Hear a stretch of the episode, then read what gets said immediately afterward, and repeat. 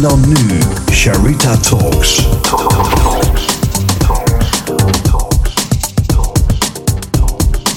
Sharita Talks. Embrace your vulnerability.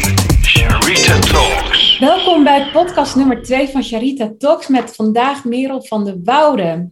En uh, ben super trots uh, met Merel als uh, tweede expert in mijn podcast. Merel die wilde al van jongs af aan de wereld mooier maken en waarde toevoegen. En als klein meisje streed ze al voor gelijke rechten. Ze ging zelfs op 7-jarige leeftijd de deuren af en verzamelde honderden handtekeningen tegen stierengevechten. Op school kwam ze op voor kinderen die werden gepest. En tijdens haar eerste bijbaan wist uh, fors te onderhandelen op haar loon. Dat onderhandelen zat er dus al vroeg in. En het is ook niet zo heel gek dat Merel rechten is gaan studeren. Uh, na haar studie is ze eerst begonnen bij een advocatenkantoor. Daar heeft ze een jaar gezeten. En daarna heeft ze bij een consultancybedrijf gewerkt in Canada. Maar na vier jaar daar voelde ze dat de corporate wereld niet helemaal meer paste. En ja, voelde ze dat ze toch weer terug wilde naar dat kleine meisje en, en met, met de missie om te strijden voor gelijke rechten. En ze besloot haar hart te volgen, wat echt super mooi is. Ze zei haar baan op, ze brak haar relatie en vertrok naar Bali. Gewoon in één keer alles anders. Ze wilde terug naar haar oorsprong en uh, nou goed, de loonkloof dat, dat nog altijd voortduurt, ook zelfs nu. Um, daar wilde ze haar missie van maken en in 2018 richtte ze Blackbird Negotiations op. En sindsdien helpt ze vrouwen succesvol onderhandelen en verdienen wat ze waard zijn. Maar daar hield haar missie niet op. Ze merkte ook dat veel vrouwen uh, niet het leven leiden vanuit hun hart, maar uit angst voor meningen van anderen, falen, onzekerheid of het onbekende en bang zijn om uit comfortzone te stappen. En uit die ervaring is ze de Transformation Nest gestart. En uit mijn eigen ervaring spreek, weet ik dat dat ook echt een heel gaaf programma is, maar daar komen we straks op. Welkom Merel, dankjewel dat je hierbij wil zijn. Ja, zo leuk Sharita. Thanks voor de mooie intro. Alsjeblieft. Het is zo'n zo, zo mooi verhaal. En ik, was ik had het al eerder voorbereid en ik, ik was het aan het lezen en ik vroeg me af, die, die corporate wereld waar je toen in zat, wat maakte dat je daar dacht van, hé, hey, dit, dit is het niet. Wat, um, wat voelde niet goed? Ja, mooie vraag. Ik denk dat, um, ik, denk dat ik gewoon vanuit mijn rechtenstudie rechten ben gaan studeren, um, de advocatuur in ben gerold, toen de internationale consultancy. Um, en dat je eigenlijk op een soort automatische piloot gaat werken en zoals het hoort. En dat je eigenlijk een beetje vergeet, in ieder geval zo was het in mijn geval, dat je een beetje vergeet van wat, wat wil ik nou eigenlijk? En word ik hier heel blij van? Of is dit meer het pad wat verwacht wordt van mij? En het ging dus heel geleidelijk dat ik steeds meer voelde van, hmm, is dit het nou? Maar op een gegeven moment had ik echt die wake-up call dat ik dacht, is dit het nou? En dat hield, was voornamelijk het. Nou ja, ik, weet, ik denk dat veel mensen dit wel herkennen die in de corporate wereld hebben gewerkt. Ik zat echt in corporate America, corporate Canada. En wij werkten tegen een van die grijze cubicles. Zonder planten, waar geen ramen open konden. Met super slecht gewoon TL-licht. En nou ja, consultants worden per uur betaald. Dus je was gewoon een soort een, een machinetje, een soort robotje. En ik had collega's met stressvlekken in hun nek. En als ik zei, zullen we even een koffietje doen, dan kon dat niet, want we werden per uur betaald. En de, de, de, ja, de grote klussen die we deden, de miljoenen klussen, gingen alleen maar over IT-projecten en de banken eigenlijk nog rijker maken. En op een gegeven moment dacht ik, waar ben ik nou eigenlijk mee bezig? Vind ik dit nou nog leuk? Uh, en het antwoord was dus nee. Het vond helemaal niet meer leuk. Ik zat gewoon op de automatische piloot en het klonk mooi als expert in het buitenland werken. Um, hele vette klussen. Ik vloog naar New York om, om te lunchen met een potentiële klant. Ehm, maar nee, het, aan alles voelde ik, het kan niet meer, ik kan dit niet meer. was gewoon te, ja, je was op op een gegeven moment, als ik het zo hoor. Ik denk dat dat vlammetje dan dooft. Van, ja. waar, wel, wat, wat veel mensen hebben, dat je vanuit een heel mooi idee iets gaat doen. Net zo, ik ging vanuit een heel mooi idee rechten studeren. Meer rechtvaardigheid, meer gelijkheid. Mhm uiteindelijk ging ik de consultancy in, ook omdat ik als vrouw het ook graag wilde maken in een mannenwereld. Ik wil heel graag verandering brengen. Maar ik merkte ook wel dat ik tegen bepaalde dingen opliep. En dat ik eigenlijk helemaal niet mezelf zag op de werkvloer. Ik was de enige jonge vrouw.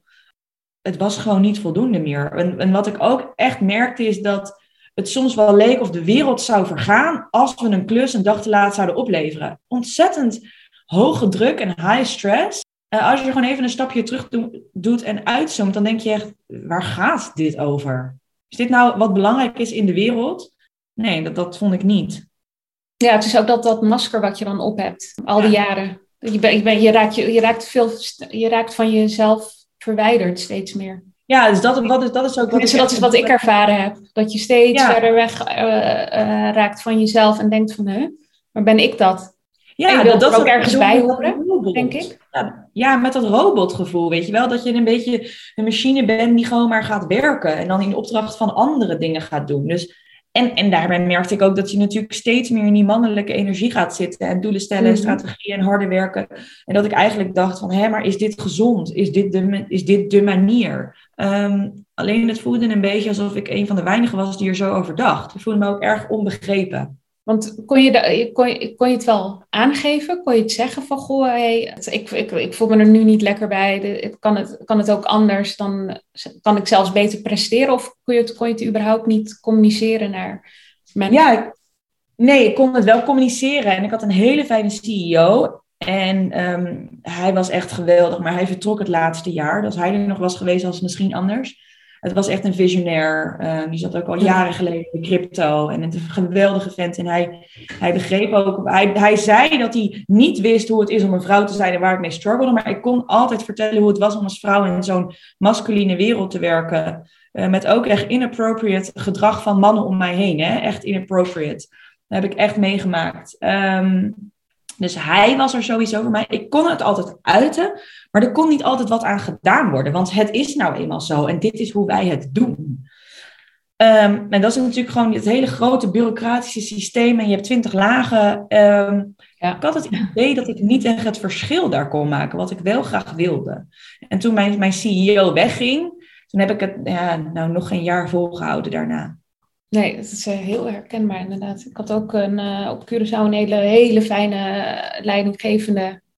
Maar die ging naar weg, maar toen hij wegging, toen, dan, hou, dan hou je het niet lang vol. Als je niet iemand hebt die je begrijpt en hoort wat je zegt, Ja, dan houdt het al heel snel op. En toen heb je iets heel gaafs gedaan. Toen dacht je, ik ga het gewoon helemaal anders doen. ik ga het echt helemaal anders doen, ja. Je bent, hoe ben je tot dat besluit gekomen? Want heel veel Ja, mensen nemen dat besluit vaak in stress en gewoon een soort van willen wegrennen van, van, van de pijn. Maar jij bent echt je hart gaan voelen. Waar, waar, wat was het moment dat je dacht van, oké, ik ga het helemaal anders doen? Ja, dat is echt super cliché dit. Maar ja, ik, ik voldoe ook altijd aan alle clichés en alle memes. Die kan je sowieso over, over mij schrijven. Ik herken me er altijd in. Ehm, ik ging weer terug naar mezelf. Dus ik ging weer meer mediteren. Want in 2012 heb ik een meditatieopleiding gedaan. Zen-boeddhisme. Ik ben daarvoor ook naar Japan geweest. Alleen toen ik in het corporate leven in ging, liet ik dat los. Want dat diende mij niet, dacht ik. En ik voelde aan alles dat ik daar weer naartoe terug wilde. Dus ik ging yoga doen, ik ging veel meer mediteren. En ik kwam in een hele andere setting terecht. Wat ik niet mee naar werk kon brengen. En ik, ehm, ja, ik kwam in een hele lekkere flow terecht met yoga, mediteren. En een heel leven daarbuiten, buiten mijn corporate leven. En uiteindelijk ehm, won ik dus een, contest eh, van, een, eh, van een Canadees nieuw watermerk. En zij, eh, zij, het was heel vet, ze, ze hadden dus een contest en daarmee kon je dus vier tickets winnen naar Wanderlust Festival. Dat is echt een super vet Amerikaans festival. En dat is eigenlijk yoga, mediteren, maar ook hardlopen, surfen, eh, interesting speakers. Dus mensen die het corporate leven hebben verlaten en hun hart achterna zijn gegaan, eigen businesses zijn gestart. Het is gewoon voor deze full immersion, full on, de vetste sprekers. Ik had er nog nooit over gehoord en ik won dat gewoon. Dat was dus een prijs van 12.000 euro en ik mocht drie vrienden meenemen. En ik zat daar en ik herkende mij zo in die corporate mensen die het, die het corporate leven hadden verlaten, omdat er zoveel meer was. Um, ik, ik ontmoette daar een breathwork en meditatieguru die eerst um, um, investment banker was in New York en dat die toen op een dag wakker wordt en dacht, is dit het? En daar in Hawaii dacht ik echt, wat de fuck ben ik aan het doen? Daar in die consultancywereld. Wat ben ik aan het doen? Mijn leuke CEO is ook nog eens weg. Eigenlijk is het best wel high stress. En, en riepen ze al vier jaar lang dat het crisis was. En toen heb ik besloten dat ik weg wilde. En um, het interessante is dat eigenlijk iedereen en alles aan mij voelde dat ik weg wilde. En ik heb dus uiteindelijk niet zelf het besluit genomen, maar ik werd gebeld dat ik mocht kiezen. Of ik ging meer die IT-kant op, of ik moest het bedrijf verlaten. En toen heb ik voor het laatste gekozen. Uh, ik heb het bedrijf verlaten en dat was echt de best decision ever. Uh, maar het was niet makkelijk, want we leefden van, mijn, van grotendeels van mijn inkomen. Mijn toenmalige vriend zat daar op een, op een visum wat aan niet van mij aanhangig was. Dus ja, we hadden opeens geen visum meer. We konden dat appartement niet meer betalen. Je moest binnen, binnen zoveel tijd weg. Maar het was de, het beste besluit ooit. Ik voelde aan alles ik moet weg, ik heb ruimte nodig. Wat heb ik nodig? Ik weet niet wat ik nodig heb, maar ik heb zee nodig, ik heb rust nodig. En toen, heel cliché, ging ik natuurlijk naar Bali een jaar. Ja, tuurlijk. ja. Daar, daar gebeurde magic. daar gebeurt echt de magic. En ik kon daar uitzoomen en ik kon daar weer connecten met het meisje wat ik vroeger was. Die, die ontzettend houdt van de natuur en eigenlijk van het hele simpele leven. S ochtends surfen, dan lekker ontbijten en eens gaan nadenken over wat wil ik nou eigenlijk. En daar heb ik besloten ook om mijn eigen business op te zetten. Vanuit rust, vanuit meer balans, vanuit, ja, niet vanuit die keiharde drive. Ja, vanuit je, vanuit je hart uh, en, en vanuit gevoel. Maar het is ook een, denk ik een heel. Als je echt letterlijk eigenlijk alles nou, niet kwijtraakt, want je kiest er natuurlijk een soort van voor, maar je komt wel in een chaos terecht, is natuurlijk ook een heel, ja. heel kwetsbaar moment in je leven geweest. En de relatie die je dan ook verbrak en je, je gaat naar een ander land en ja. je weet helemaal niet wat, wat er op je pad komt. Nee, het was echt, jij herkent het natuurlijk ook gewoon rock bottom, maar ik wilde dat eigenlijk ook. Weet je, ik werd dan, ik was toen bijna 30, ik had geen baan meer, ik beëindigde mijn relatie na vijf jaar. Um, en ik verhuisde naar Bali. En toen dacht ik ook, dan ga ik ook nog een business starten. Ik had ja. 15.000 euro. That's it. En daar moest ik het gewoon mee gaan doen. En ik had ook dus geen partner meer die mij kon ondersteunen. Maar het was echt rock bottom en het was alles wat ik wilde. Want ik kon me volledig onthechten van alles. Onthechten van dat expat leven, onthechten van eh, de titel expat qua je ego, weet je wel. Veel mhm. geld verdienen en belangrijke dingen doen. Is, is dat nou echt belangrijk in het leven? Of een fijn persoon zijn? En, en echt verandering ja, kunnen bewerkstelligen en een mooie visie hebben om de wereld mooier te maken. En dat had ik echt nodig. Ja, maar je hebt rock bottom nodig. Um, ja. Is uiteindelijk nu mijn les geweest in het leven om, uh, om te kunnen komen bij jouw kern. Precies dat. Ja. Ik ben, ik ben zo dankbaar voor dat, dat, dat, dat, dat moment van rock bottom. En op dat moment, toen ik daarin zat, helemaal niet hoor. Dan was ik helemaal niet dat ik dacht, oh, uh, butterflies en uh, unicorns. En oh, wat leuk dat ik hier zit. En, nee.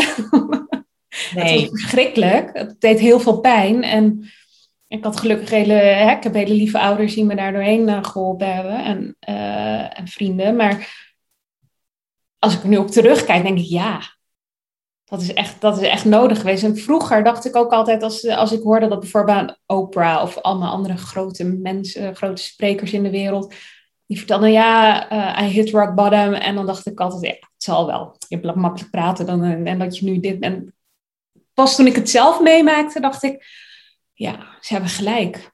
Ja. Want je wordt helemaal eigenlijk gewoon gedwongen door je hele zijn, door je van, van binnen, om te resetten, om echt te gaan voelen van wat wil jij?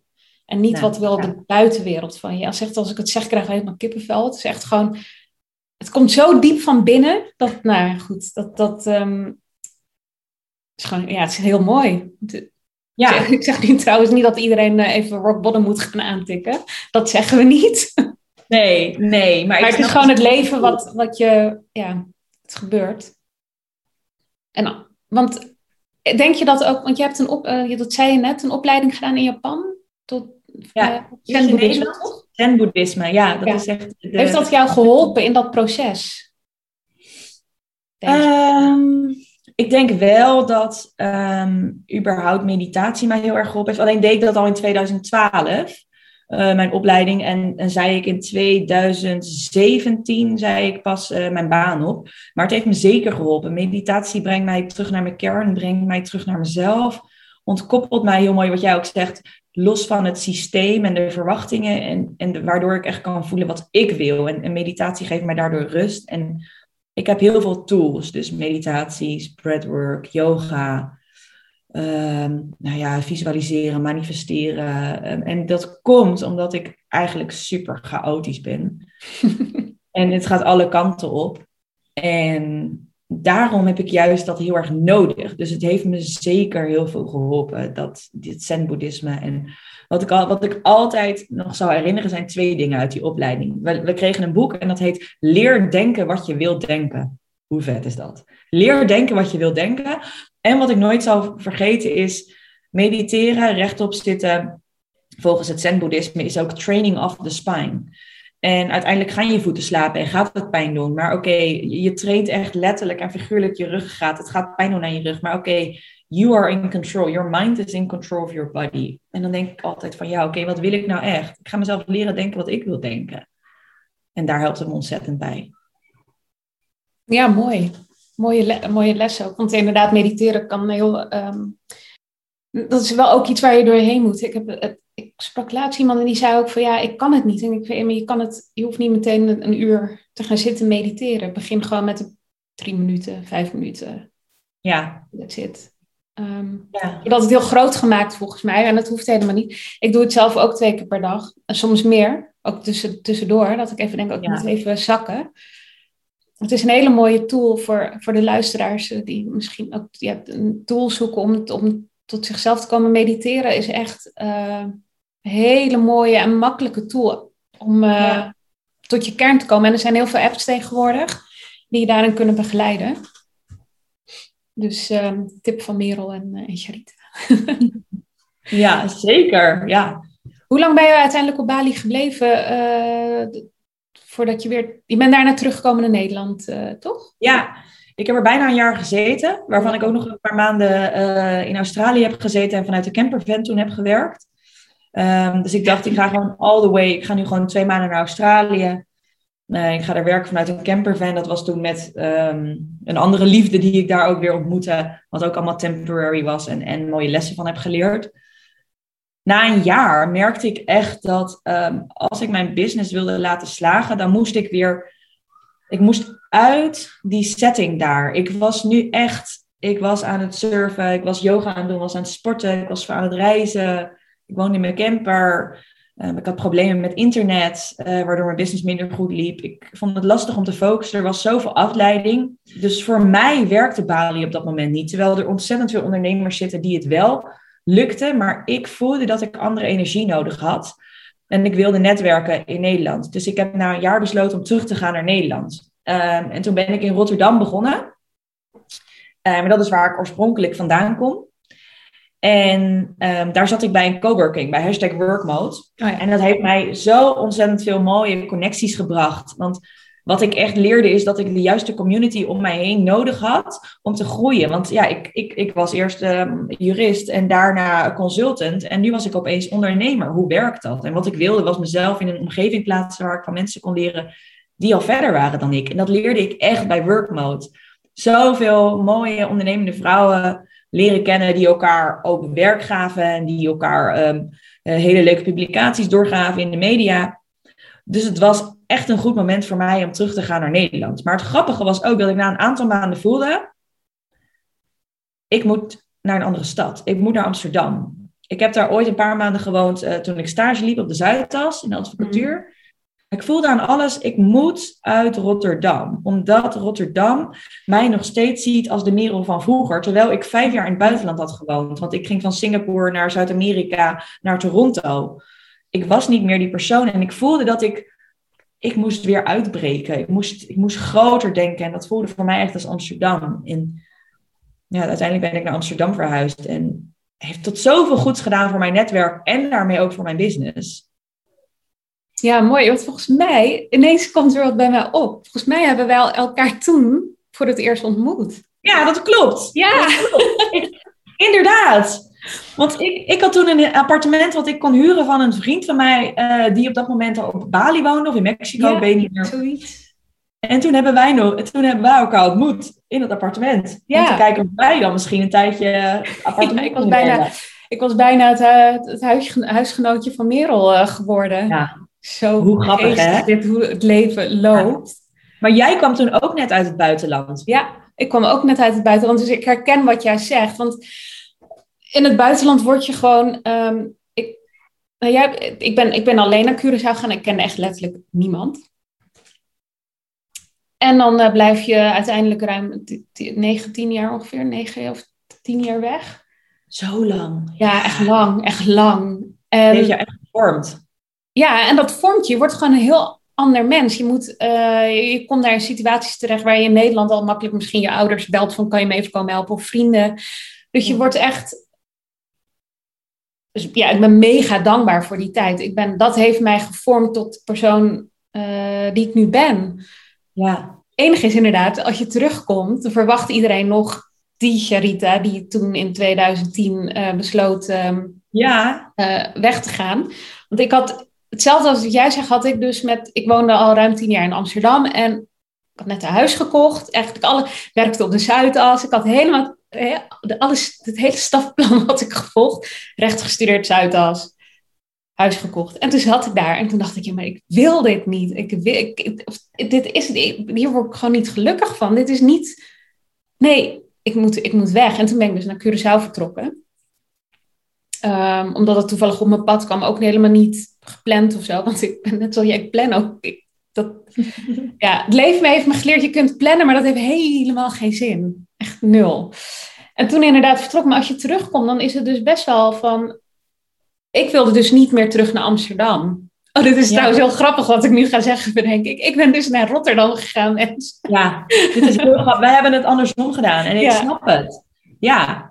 Want hier kende ik niemand. Hier, hier zou ik weer. Ja, dit is gewoon voor mij dan helemaal nieuw en open. En, en, en, ehm, en het, dit betekent overigens niet dat mijn hart nog steeds uitgaat naar Amsterdam. Hoor, want het, ik, ik, ik, ik heb vol net zoveel liefde voor Amsterdam. En eh, al mijn vrienden zitten daar ook nog. Dus. Maar ja, wij zijn dus bij inderdaad. In die tijd heb ik jou voor het eerst gezien. Toen was jij dus net terug in. eh, toen was je net in Amsterdam. Klopt. Ja, heeft heel veel goed gedaan. Want was het ook de tijd dat eh, Blackbird Negotiations eh, opgericht eh, werd? Of Nee, want dat heb ik op Bali dus al gedaan. Het was al Bali. Ja, ik heb, ehm, toen ik naar Bali ging, dacht ik wel van oké, dit wordt een soort sabbatical, maar laat ik ook een business opzetten. Gewoon rustig bouwen. Ja. En wat ik wilde was, wat ik natuurlijk in de consultie heel erg zag, is dat vrouwen nog steeds minder betaald kregen dan mannen. En ik zag ook gewoon, ja, het hele vrouwelijk leiderschap, dat komt volgens mij gewoon ontzettend veel beter. Dus ik dacht, wat kan ik nu doen met iets, weet je wel, wat ik leuk vind. Dus ik heb een business coach ingehuurd, Aranka van der Voorde. En we hebben gekeken van Mhm. waar ben je goed in, wat heeft de wereld nodig en waar kan je geld mee verdienen. Heel bazaal, zo begin je. Ehm, en toen kwam er eigenlijk meteen onderhandelen uit. Want wat wel nog wel heel leuk is, toen mijn CEO het bedrijf verliet, heeft hij nog gevraagd of ik met hem mee wilde. Hij ging naar SAP. Dat was nog meer IT dan waar ik al zat. Ik heb echt getwijfeld omdat deze man geweldig is. Ik heb echt getwijfeld of ik met hem mee wilde. Uiteindelijk heb ik nee gezegd. Toen zei hij, but you've got to promise me um, that, you, that you're going to do something with negotiations because you're such a strong negotiator. En dat realiseerde ik me eigenlijk niet. Ik dacht dat iedereen goed was in onderhandelen. Wist ik veel. Ik wist ook niet dat ik bizar voorbereidde. En ik stuurde allemaal mailtjes eruit en Excel-sheets en onderzoeken. En dan deed ik een voorstel en dan zei ik, kunnen we praten over mijn functioneren? Dat heeft dat vlammetje aangewakkerd om iets met onderhandelen te gaan doen voor vrouwen, over geld. Toen ontmoette ik mijn business coach en toen dacht ik, ik ga dit gewoon doen. En als ik dit online ga doen, dan kan ik dus ook op Bali wonen. En daar ben ik het eigenlijk gaan bouwen. En dus ook gaan coachen. En daar, dat was dus wel lastig. Ten eerste met het tijdsverschil. En ten tweede met soms wel het slechte internet. Ja. En uiteindelijk vond ik dat dus niet meer professioneel genoeg. Ik kon het gewoon niet meer verkopen. Niet meer aan mezelf en ook niet aan mijn klanten. Aan mezelf dus niet meer serieus eigenlijk. Door, door daar te zitten en ja, gewoon niet goed internet te hebben. Of dan in mijn campervan te zitten en het valt weer weg. Ja, dat, dat zou niet het probleem moeten zijn van mijn klant. En dat werd het uiteindelijk wel. Ja, precies. Want ik, uh, ik moet wel zeggen, want toen jij naar Nederland gekomen bent, is jouw bedrijf wel echt uh, gaan vliegen. En jij bent gaan vliegen ook als spreker en ja. en alles wat jij uh, gedaan hebt. Want heb, merk jij nu verschil? Nee, laat ik het anders zeggen. Waar denk je dat het vandaan komt dat bij vrouwen zo lastig is om die onderhandeling te voeren? Is dat, heeft dat te maken met dat vrouwen zich dan kleiner en voornamelijk in die corporate wereld uh, niet durven op, op te staan voor zichzelf in die onderhandelingen? Nou, het is best wel complex, omdat het dus te maken heeft met het systeem waar we in zitten. Nederland heeft een bepaalde maatschappij met verschillende gender issues. Wat inhoudt dat vrouwen anders worden beoordeeld als zij stevig onderhandelen. Dus stel je voor dat jij gaat onderhandelen en jouw mannelijke collega. Jullie steken precies hetzelfde in. Jullie functioneren precies hetzelfde, hebben dezelfde achtergrond. Ehm, als, jij met een, eh, als jij onderhandelt, zou jij minder snel krijgen wat jouw mannelijke collega krijgt. En dat heeft gewoon nog steeds te maken met ja, eigenlijk het, het stigma wat er dan op vrouwen zit. Van, ja, weet je, je weet het zelf ook. Als je stevig onderhandelt, ben je een bitch. Als een man dat doet, is nog steeds een leider. Dus ehm, hm. het, het is best wel complex en het houdt elkaar in stand. Want je kunt dus als vrouw goed voor jezelf opkomen, maar je kunt een backlash krijgen. Mhm. Aan de andere, en daardoor doen we het dus minder snel. Dus nou ja, en daarnaast natuurlijk, mannen zitten al veel langer in het corporate leven. Dat de vrouw nu is gaan werken, dat is van de laatste, ja, de laatste decennia.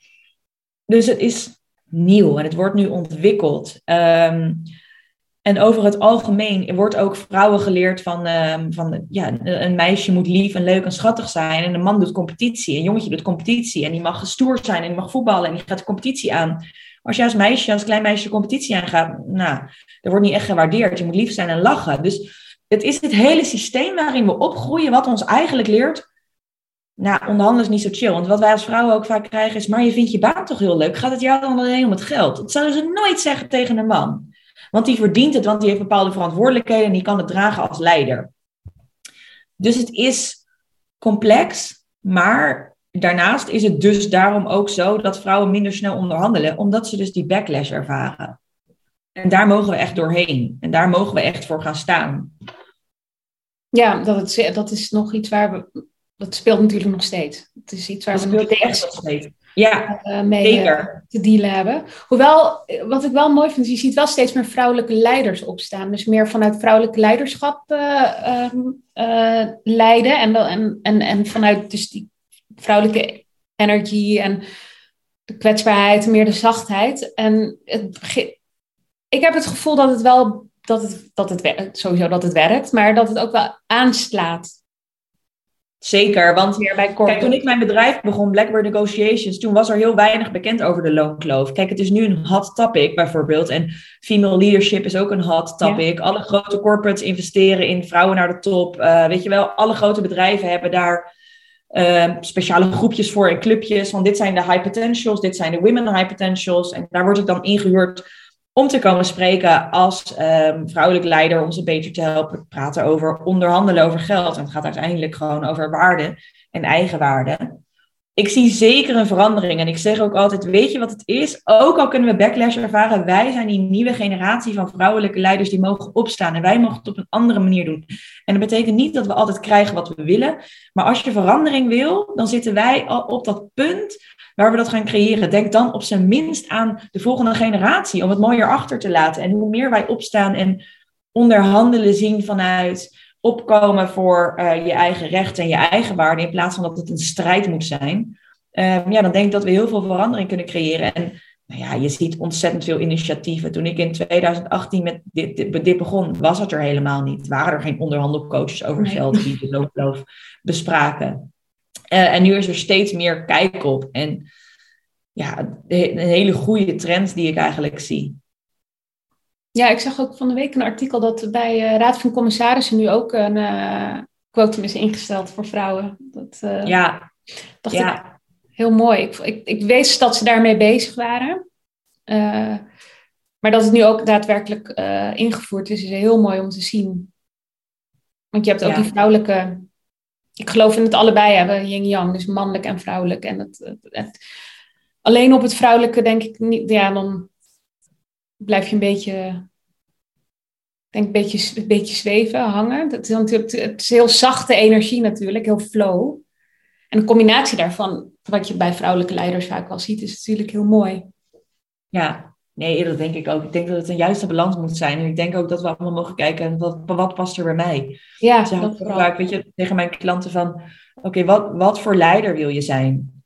En definieer dat eens. En wat houdt dat dan eigenlijk in? En do you walk your talk? En ik denk dat dat een hele belangrijke is. Wat vind jij belangrijk? En hoe dan? Hoe uitzicht dat? Elke dag.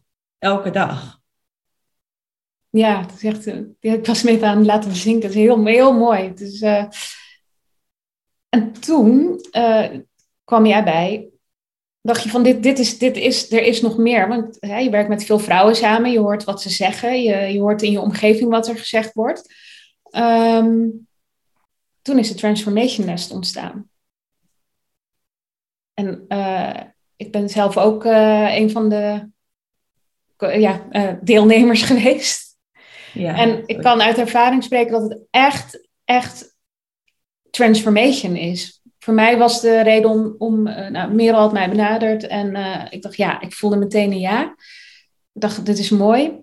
En voor mij was het voornamelijk om meer zichtbaarheid te creëren, want ik vond dat heel eng. En ik dacht, oh, mijn hoofd op Instagram en op stories. Oh nee, maar ik wist ook vanuit voor, voor mijn missie en om mij om nog meer mensen te bereiken, om in hun kwetsbaarheid te mogen gaan staan, zal ik zelf ook meer naar buiten moeten treden en in mijn eigen kwetsbaarheid moeten gaan staan. Want ik vond het ja. doodeng. Zo ben ik in de Transformation Nest uh, terechtgekomen. Maar ja, vertel, vertel daar eens meer over, over de Transformation Nest. Ja, het leuke is wel, ja, het leuke is wel dat toen ik, um, toen ik mijn business Blackbird Negotiations opzette, wilde ik, ik zat op Bali en ik, ik wilde heel graag al vrouwen helpen om gewoon los te breken uit het systeem, om volledig te gaan staan voor wie ze zijn, om een podium te pakken, om groot te denken, zich niet te laten tegenhouden door wat het systeem wil, de maatschappij, je familie, je vrienden, uh, je studie. Alleen dat was zo groot op dat moment dat ik dacht, waar kan ik nu concreet mensen mee helpen? Toen dacht ik, nou, dan wordt het onderhandelen. Maar mijn idee is dus altijd geweest om het veel groter te maken.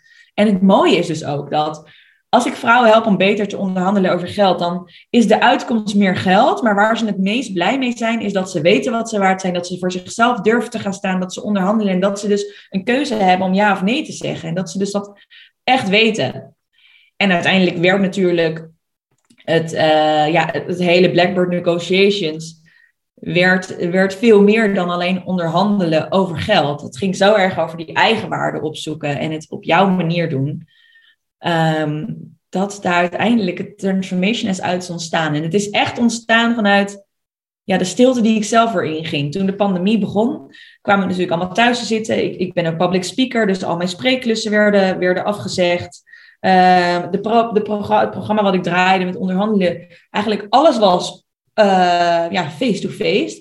Dus ik moest heel goed nadenken van wat wil ik nou eigenlijk? En toen dacht ik ook echt, leef ik nou echt het leven wat ik echt, ja, leef ik eigenlijk wel mijn droomleven op dit moment?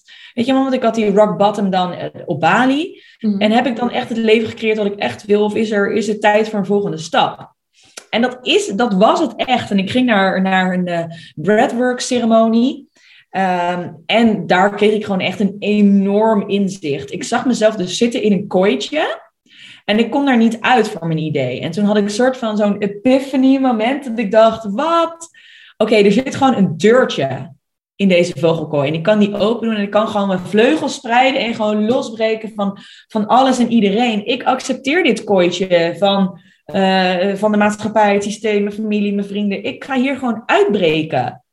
En toen oh, mooi. Ben ik, kwam ik uit de breathwork sessie en zag ik mezelf gewoon echt helemaal als die vrije vogel die volledig haar leven ging leiden zoals ze dat zelf wilde. En toen dacht ik, wat past er dan bij? Toen dacht ik, ja, eigenlijk mijn journey zou ik willen delen met vrouwen om hun te helpen om die volgende stap te zetten, om door te breken, om groter te denken, om echt te springen. Weet je wel, de Transformation Nest is daaruit ontstaan. Een veilige plek waar je even mag landen waar je veel gaat leren, waar je een mooie community om je heen hebt, bepaalde tools krijgt. En ik ben daar echt als sparringspartner om te kijken van wat wil je, waar kan ik je bij helpen. En als je een doel hebt voor over twaalf weken, hoe kun je daar elke week aan werken?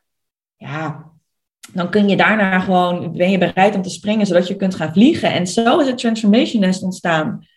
En het vette is gewoon dat ik voelde aan alles dat ik dit moest doen. En ik heb gewoon mijn whiteboard neergezet thuis. En daar heb ik op bedacht, hoeveel maanden wil ik het dan doen? En hoe ziet dat er dan uit? Wat ga ik dan doen? Masterclasses? Ja, ik ga het online doen, want ik wil niet afhankelijk zijn van een pandemie, waardoor ik bijvoorbeeld geen inkomen meer heb. Ik wil volledig mijn leven op mijn voorwaarden leven. En daar kwam dan ja, dit Transformation Nest uitrollen. En het vette is dat ik ik post op mijn stories van, oh mijn god, ik, ga, ik heb iets nieuws bedacht. En dit is echt de, de, de missing puzzle in mijn leven waar ik zo van aanga. En binnen anderhalve week had ik tien vrouwen in mijn programma, waar, waarin Sharita er eentje was. En het zijn gewoon allemaal, ja, ik noem het altijd de toppers uit de Transformation Het zijn hoogopgeleide, ambitieuze vrouwen die die combinatie hebben tussen hoofd en hart, intuïtie en strategie. Het zijn echt die nieuwe vrouwelijke leiders die opstaan, maar die gewoon die support nog even nodig hebben om die volgende stap te zetten. Want het is gewoon heel kwetsbaar en het is heel spannend. En veel komen er ook uit het corporate leven. Ehm, en ze, zijn gewoon op zoek naar meer, meer betekenis, meer zingeving, spannende stappen zetten. En ja, dat is gewoon ook ontzettend gebeurd in dat, in dat tran- transformation. Als ik kijk naar nou ja, de stappen die Sharita ook heeft gezet. Ja, dat is gewoon zo ontzettend mooi. Dat ik, ja, gewoon, ik zit gewoon te stralen als ik het erover over heb. Ik vind het zo leuk. Mijn derde nest is nu begonnen met acht vrouwen. En ik ben ook zo benieuwd waar ze over, nou ja, dan nu acht weken, negen weken staan. Ja, ik kan echt niet wachten gewoon. Ja, het is zo mooi. Het, het is jammer dat jullie onze hoofden niet kunnen zien. Maar we zitten allemaal helemaal zo. Helemaal even die kleine. Ja. Oh, ja, helemaal te stralen. Ja, het is zoiets bijzonders. Echt de Transformation Nest voor de luisteraars. Ja, mocht je interesse hebben, dan eh, kan je een bericht naar mij sturen of naar Merel. En dan zorg ik er wel voor dat bij Merel komt. eh. Maar dat, ja, het, het, vooral, ja, het, het is ook zo mooi dat je met een groep vrouwen. Het is heel veilig, heel warm. En grappig is dat ik er halverwege nog uit wilde stappen. Omdat Ja, ik in, één keer in mijn mooi. weerstandsstuk kwam. dat mijn ego en mijn, mijn, mijn weerstand om met allemaal vrouwen in een groep te zitten. Dat kwam in één keer kwam de oude, oude eh, beperkende gedachte bij mij eh halverwege omhoog. Gewoon echt hilarisch. Achteraf was het hilarisch. Op dat moment dacht ik, doe ik ben weg. Je bent niet gegaan. Het is wel echt een mooi verhaal. Ja, het is echt een heel mooi verhaal. Dat, ehm, maar ik ben dus gebleven, mensen, tot het einde. en dat raad ik ook iedereen aan. Ook als je even denkt, oh, wat, eh, wat, wat ben ik hier aan het doen? Want dat gebeurt, hè? Weet je wel? Want je wordt gewoon getriggerd. Want dat is ook het mooie natuurlijk aan een groep. Ik geloof echt dat een, de groep bij elkaar komt omdat je iets van elkaar te leren hebt. En dat was natuurlijk ook bij jou gewoon enorme triggers. En het grappige was dat jij natuurlijk ook zei: ik wil meer zichtbaar zijn, ik wil de juiste community om me heen. En dat, dat je na dat je halverwege dacht van zo, fuck deze community gewoon even. Weet je wel? Het is echt zo, zo mooi. En, en net voordat we deze podcast opnamen, vertelde je ook dat je er echt een hele mooie vriendschap ook aan hebt overgehouden. Weet je wel? Het is ja, magisch. Ja, het is heel magisch en heel mooi ook om te zien dat iedereen zich kwetsbaar durft op te stellen. Iedereen is open. En, en juist dat, het, wat voor mijn missie heel, heel mooi is om te zien, is dat het echt wel kan. En dat we juist die kwetsbaarheid ge- ge- gebruikt hebben om juist daar onze kracht uit te halen. En iedereen haar eigen, ja, haar eigen lessen eruit gehaald heeft en haar eigen eh, hart, ehm, nee, nee, zielsmissie. Ja, Het is Ja. heel mooi om te zien eh, hoe dat eh, in, in acht, negen weken gaat. Ja, en die kwetsbaarheid natuurlijk, waar jou, jouw focus ook echt op ligt, dat is ook echt wel een heel groot onderdeel van Transformation Nest. En Ja. Dat is de bedoeling dat we een veilige omgeving creëren waar je juist kan bespreken waar, wat je misschien in je dagelijks leven voelt dat je dat niet kan bespreken. Weet je, waar liggen je uitdagingen en wat zou je eigenlijk echt willen als je groot denkt en, en, en wat, wat, voor, wat voor gedachten komen er eigenlijk op waarom je het niet doet. En daarvoor heb je wel een, ja, een, een veilige groep nodig. En het mooie is altijd één iemand altijd als eerste begint qua kwetsbaarheid. Hè. Er moet er altijd eentje als eerste delen. En dan zie je echt zo everyone de rest open. up. Ja, dan breekt echt iedereen open. ja, echt heel mooi. Ik heb nog een ehm, afsluitende vraag voor jou. De Ja. vraag van Charita Talks. Wat betekent kwetsbaarheid voor jou? Ja, mooie vraag. Kwetsbaarheid. Het is leuk. Voor mij betekent het eigenlijk heel veel kracht. Ehm, de kracht om volledig jezelf te durven zijn. En ik zie ook echt dat als ik kwetsbaarheid inzet, dat ik mensen echt raak in hun hart. En dat zij daardoor hun hart ook openen. En dat zij ook denken, hey, I'm not alone. I'm not crazy. Ehm, juist die echte pure kant met elkaar delen is zo waardevol. En juist zo krachtig en ook zo nodig voor een mooiere wereld. Ja, ik vind kwetsbaarheid gewoon echt key. Dus ja, dank je wel dat jij je business daar helemaal op inricht. We hebben dat Nou. gewoon nodig. Met Ja. heel veel liefde. Dat is echt eh, ja, mijn zielsmissie, zoals je weet. Heel mooi. Mooi, eh, mooi beschreven. Dank je wel. Ik wil je heel erg bedanken dat je als tweede expert in mijn podcast wilde zijn. Echt super trots op. Helemaal, helemaal blij. En eh, wil je een hele fijne dag wensen. Ja, jij ook, dankjewel. En iedereen die luistert, uh, ik ben ook heel benieuwd wat jullie hier weer uithalen. Dus laat het ons vooral weten. Ja, laat het ons vooral weten. Dankjewel. Doei. Doei. Tot zover deze editie van Sharita Talks. Wil je meer weten? Ga dan naar completingthecircle.nl. Sharita Talks. Embrace your vulnerability. Sharita Talks.